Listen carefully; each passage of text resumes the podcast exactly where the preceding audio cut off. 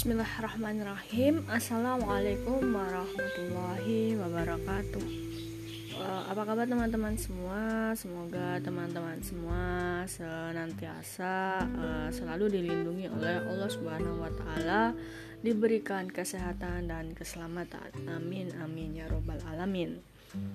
Baiklah teman-teman, pada kesempatan kali ini uh, kita akan membahas materi yang kaitannya dengan sumber-sumber moral. Uh, ini uh, berbeda ya dengan materi yang sebelumnya bahwa kemarin kita telah membahas tentang hukum administrasi negara. Uh, pada kesempatan ini kita akan membahas kaitannya dengan sumber-sumber moral. Uh, baiklah teman-teman, uh, pada dasarnya tidak ada kehidupan manusia tanpa tata nilai, norma, dan moral. Karena dalam bertingkah laku di masyarakat, manusia senantiasa berjalan di atas landasan tata nilai, norma, dan moral tertentu menurut pilihan bersama di mana masyarakat bersangkutan berada martabat manusia secara pribadi maupun sosial akan tetap terjunjung karena tata nilai moral dan norma tersebut yang disadarinya dan dilaksanakannya. Nilai sebagai keyakinan hidup pribadi, norma sebagai pengendalian diri, dan budi nurani adalah sebagai subjek pengendalian yang secara terus-menerus secara kodrati akan berlangsung memberikan sanksi. Sebagai misal, apabila kita melaksanakan nilai dan norma yang kita yakini sebagaimana mestinya, maka hati nurani akan merasa bahagia dan tentram. Sebaliknya, apabila kita melanggar nilai-nilai norma yang kita yakini, maka hati nurani kita akan merasa resah, gelisah, menyesal, tertekan, dan merasa berdosa. Hati yang bahagia, tentram adalah mencerminkan pribadi yang sehat rohania. Sebaliknya, hati yang resah, gelisah, menyesal mencerminkan kondisi psikis atau kejiwaan atau gangguan kesehatan mental. Konflik kejiwaan terjadi karena adanya perbedaan antara kesadaran normatif kesadaran akan seharusnya dengan kenyataan tindakan yang dilakukan.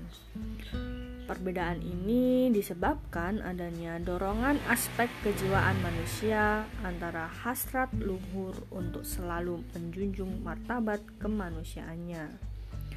Artinya ini adalah fitrah atau potensi baik nurani manusia dengan keinginan atau hasrat-hasrat yang bersifat lahiriah biologis dan egoistik atau fitrah atau potensi nafsu nurani manusia. E, baiklah teman-teman, e, pada dasarnya proses kejiwaan atau mental tersebut senantiasa berlangsung dalam segala aktivitas manusia. Dengan demikian, integritas seseorang, komitmen tingkah lakunya pada prinsip menjunjung harkat martabatnya terhadap kesetiaan kepada Tuhan, ketaatan pada nilai dan norma yang baik, kemudian e, luhur dan tinggi yang menunjukkan watak kepribadian, citra pribadinya, itulah yang disebut moral atau manusia yang bermoral interaksi antara manusia dengan sesamanya dan lingkungannya dalam wujud kebersamaan dengan segala identitas antar pribadi mereka tersebut diikat dalam tata nilai yang menjadi sumber moralnya. Sehubungan dengan tata nilai yang bersumber dari moral itu uh, dapat kita kemukakan ada tiga tata nilai utama yang dijadikan uh, sumber moral dalam kehidupan manusia. Adapun ketiga tata nilai itu adalah nilai agama, nilai filsafat, dan juga yang terakhir adalah nilai budaya. Baiklah teman-teman, kita akan bahas satu persatu. Yang pertama yaitu terkait dengan nilai agama. Baiklah teman-teman, uh, perlu kita ketahui bersama bahwa nilai agama dalam arti khusus adalah nilai-nilai yang bersumber dari Tuhan Yang Maha Esa. Diturunkan sebagai wahyu melalui nabi dan rasul. Hal ini berdasarkan pengertian bahwa hakikat agama bukanlah kebudayaan, sebab agama bukanlah ciptaan manusia, melainkan wahyu Tuhan. Karena itu, sifat nilai agama adalah mutlak dalam arti kebenaran. Agama bersifat imani dan mutlak. Hal ini berbeda dengan sifat nilai ilmu pengetahuan yang rasional dan nisbi. Uh, arti nisbi artinya bahwa menurut Kamus Besar Bahasa Indonesia, nisbi berarti hanya terlihat jika atau hanya terlihat atau pasti terukur apabila dibandingkan dengan yang lain.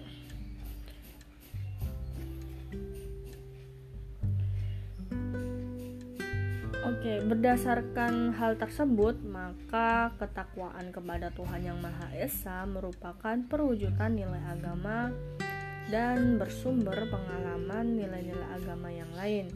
Seseorang yang bertakwa kepada Tuhan Yang Maha Esa selalu berusaha melakukan semua perintahnya dan menjauhi atau meninggalkan semua larangannya. Seseorang yang bertakwa kepada Tuhan Yang Maha Esa maka perilakunya tercermin pada penampilan semua aspek nilai. Uh, selanjutnya data nilai yang kedua kaitannya dengan nilai filsafat.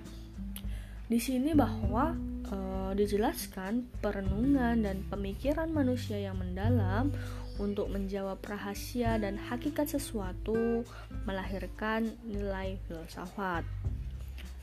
Nilai filsafat ini diyakini kebenarannya karena belum atau tidak adanya jawaban dan kesimpulan yang lain. Manusia makin sadar akan kedudukan dirinya di dalam masyarakat, negara, budaya alam, dan di hadapan Tuhan. Manusia memiliki wawasan dari dalam kesemestaannya. Manusia sadar akan kedudukan, hak, dan kewajibannya dalam rangka kebersamaan dengan sesama, dengan alam dan sumber daya alam dan dengan kehidupan di balik dunia ini di hadapan Tuhan yang Maha Pencipta dan Maha Kuasa, Tuhan yang Maha Esa. Tumbuhnya nilai filsafat adalah perwujudan kebutuhan rohani manusia yang selalu mendesak terjawabnya rahasia dan hakikat sesuatu. Jawaban ini demi ketenangan batin yang berpengaruh bagi kelestarian hidupnya, nilai-nilai filsafat berkembang sepanjang sejarah budaya manusia. Hal itu karena perenungan ini berasal dari potensi daya cipta dan daya pikir manusia. Nilai filsafat sebagai perwujudan akal budi mencangkup uh, segala sesuatu dalam alam dan pikiran manusia. Filsafat merupakan perwujudan martabat luhur manusia. Manusia dapat menghayati antara hubungan dengan dirinya, alam, dan budaya, bahkan dengan bermacam bentuk dan jenis nilai dalam kenyataan dan kesadarannya. Hubungan nilai demikian dibedakan oleh filsafat sebagai hubungan mendasar dan hubungan transendensi. Hubungan dasar adalah tata hubungan di mana kenyataan yang satu menjadi dasar untuk kenyataan yang lain. Uh, seperti sebagaimana contohnya, misal teman-teman bahwa ruangan berdasarkan bilangan ada ukurannya, gerak berdasarkan ruangan uh, dan psikis berdasarkan biotis. Sedangkan hubungan transendensi adalah tata hubungan di mana pihak yang lebih tinggi melebihi pihak yang lebih rendah. Misalnya, agama melebihi perbuatan baik, etis melebihi perbuatan sosial, dan hukum melebihi perbuatan disiplin, dan sebagainya. Manusia dalam wawasan filsafat adalah subjek dalam kerangka antar hubungan dengan sesama dan dengan alam, dengan budaya dan sebagai tatanan kemasyarakatan dan dengan Tuhan serta alam sesudah dunia ini. Filsafat sebagai wujud hikmat kebijaksanaan manusia kemudian dilengkapi dan ditingkatkan ketinggiannya dengan nilai agama. Dan nilai tata nilai norma yang terakhir adalah terkait dengan nilai budaya teman-teman. Nah, uh, kaitannya dengan nilai budaya ini, uh, nilai dalam dimensi sosial budaya bertolak dari pengandaian bahwa manusia adalah individu yang secara hakikat memiliki sifat sosial. Maka, sebagai individu manusia adalah makhluk yang bermasyarakat.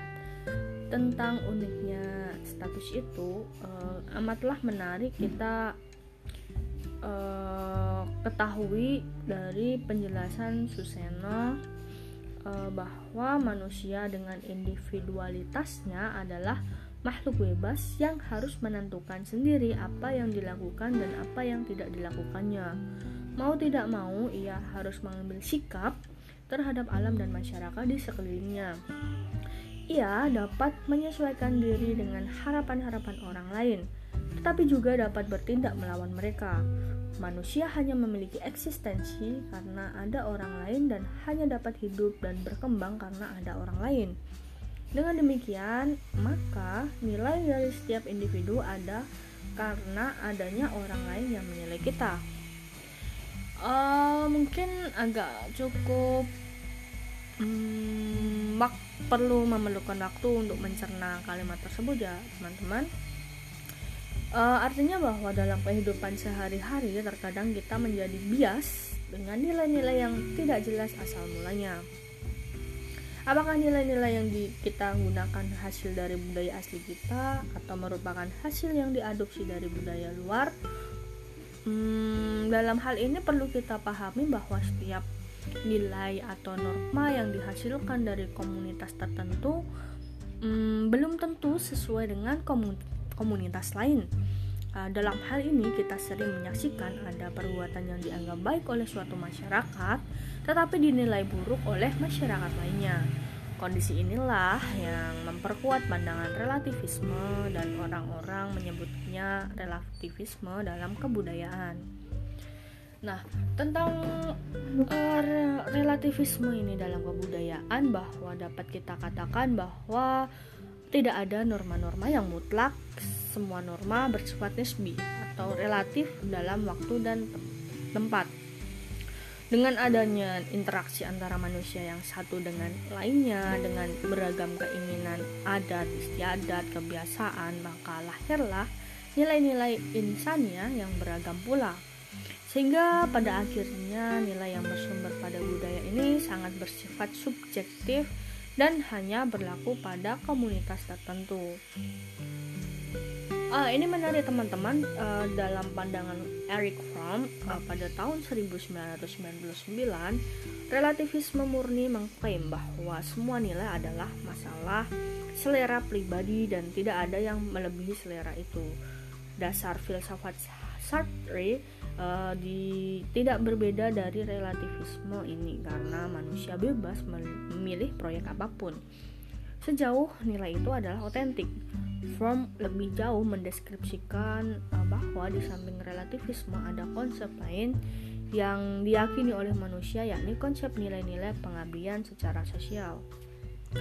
Para penganut konsep ini mulai dengan suatu pernyataan bahwa kelangsungan hidup suatu masyarakat dengan bermacam kontradiksi di dalamnya menjadi tujuan utama dan dengan demikian, norma-norma sosial yang kondusif bagi kelangsungan hidup manusia merupakan nilai-nilai yang tertinggi dan mengikat individu. Kehidupan manusia berbeda dengan kehidupan makhluk Tuhan lainnya. Ini sudah jelas ya teman-teman bahwa karena itulah kehidupan manusia tumbuh dan berkembang dari kebudayaan. Kebudayaan hanyalah dikenal dalam kehidupan manusia. Nah, di bagian ini dikemukakan um, ada macam kebudayaan menurut wujudnya yang terbagi atas tiga wujud kebudayaan. Yang pertama adalah sistem nilai, yaitu berupa gagasan, cita-cita, pandangan hidup, dan nilai kehidupan. Yang kedua adalah sistem masyarakat, yaitu sekumpulan aturan, adat istiadat, norma hukum, kaidah yang mengatur kehidupan manusia. Dan yang terakhir adalah hasil karya, yaitu hasil karya yang berupa benda-benda sebagai buatan manusia yaitu memenuhi kebutuhannya baik kebutuhan yang bersifat jasmania maupun yang bersifat rohania. Oh oke. Okay, apabila kita identifikasi bersama berdasarkan tiga isi tadi maka isi kebudayaan itu meliputi tujuh unsur yaitu bahasa religi sistem kekerabatan sistem ekonomi, sistem teknologi, kesenian, dan ilmu pengetahuan. Ini menurut Kun Coroningrat pada tahun 1990. Ketujuh isi kebudayaan itu bersifat universal, artinya terdapat dalam masyarakat mana pun dan dikenal dalam kebudayaan bangsa mana pun. Oleh sebab itu, tujuan unsur kebudayaan ini dikenal sebagai universal traits of culture. Dalam setiap unsur budaya itu terdapat sistem nilai, sistem sosial, dan karya budaya. Nilai budaya adalah nilai abstrak yang berupa paduan dari budaya sebagai sistem nilai, sistem sosial, dan karya manusia. Hubungan ketiganya ini adalah hubungan sibernetik, sehingga wujud kebudayaan itu menjadi keseluruhan dari ketiganya. Nilai budaya tampak dalam wujud tujuh unsur budaya yang universal itu dalam kehidupan manusia. Nilai-nilai budaya tersebut selain menjadi sumber tata kelakuan atau tata kehidupannya juga berperan sebagai pedoman, pandangan, kebenaran atas nilai-nilai yang dikembangkan dalam kehidupan manusia. Kehidupan manusia dapat dibedakan menurut tujuannya yaitu melakukan sesuatu atas dasar bahwa manusia itu sekedar menjalan, menjalankan suratan takdir manusia tidak dapat menolaknya kecuali berusaha mengubahnya menurut kodrat sebaliknya manusia sadar akan keberadaannya di tengah alam ciptaan Tuhan berusaha untuk menguasainya dan membudayakannya Tujuan hidup manusia adalah mengabdi dan berbakti. Manusia melalui pengalamannya berusaha untuk mandiri dan kreatif sebagai wujud kesadaran atas kemampuan, akal, dan budinya untuk membudayakan lingkungan hidupnya. Nilai budaya selalu berkembang dan bersifat nisbi. Kebenaran nilai budaya dimengaruhi oleh penyikapan manusia dan tantangan yang dihadapinya. Sebab uh, sebab itulah uh, nilai budaya selalu berada dalam bingkai hubungan waktu dan tempat. Nilai budaya lahir dan berkembang dalam konteks masyarakat pendukungnya. Sebab itu keberadaan nilai budaya itu berkembang bukan menurut hukum alam, tetapi menurut apa adanya pelestarian dari pendukungnya.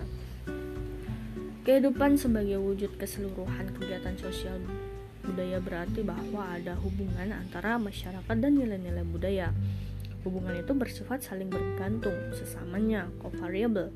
Hubungan itu berarti apabila faktor sosial budaya mengalami perubahan, masyarakat pun ikut berubah. Nilai-nilai sosial budaya tumbuh dan berkembang dalam masyarakat. Oleh karena itu, kelangsungan sosial budaya ditentukan pula oleh keadaan yang hidup dalam masyarakat. Kehidupan masyarakat adalah merupakan hubungan orang-orang yang terikat tata nilai yang tercipta dalam kebudayaan masyarakat. Nilai-nilai yang dianut oleh masyarakat dipelihara, dikembangkan sebagai milik budaya masyarakat. Oleh sebab itu, terdapat kecenderungan bahwa nilai-nilai sosial budaya dipertahankan adanya demi kelangsungan hidup masyarakat itu sendiri.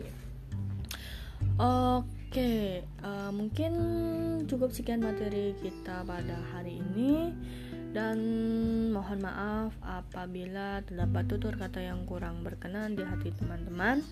Uh, sampai jumpa di lain kesempatan dan terima kasih saya ucapkan akhir kata wassalamualaikum warahmatullahi wabarakatuh.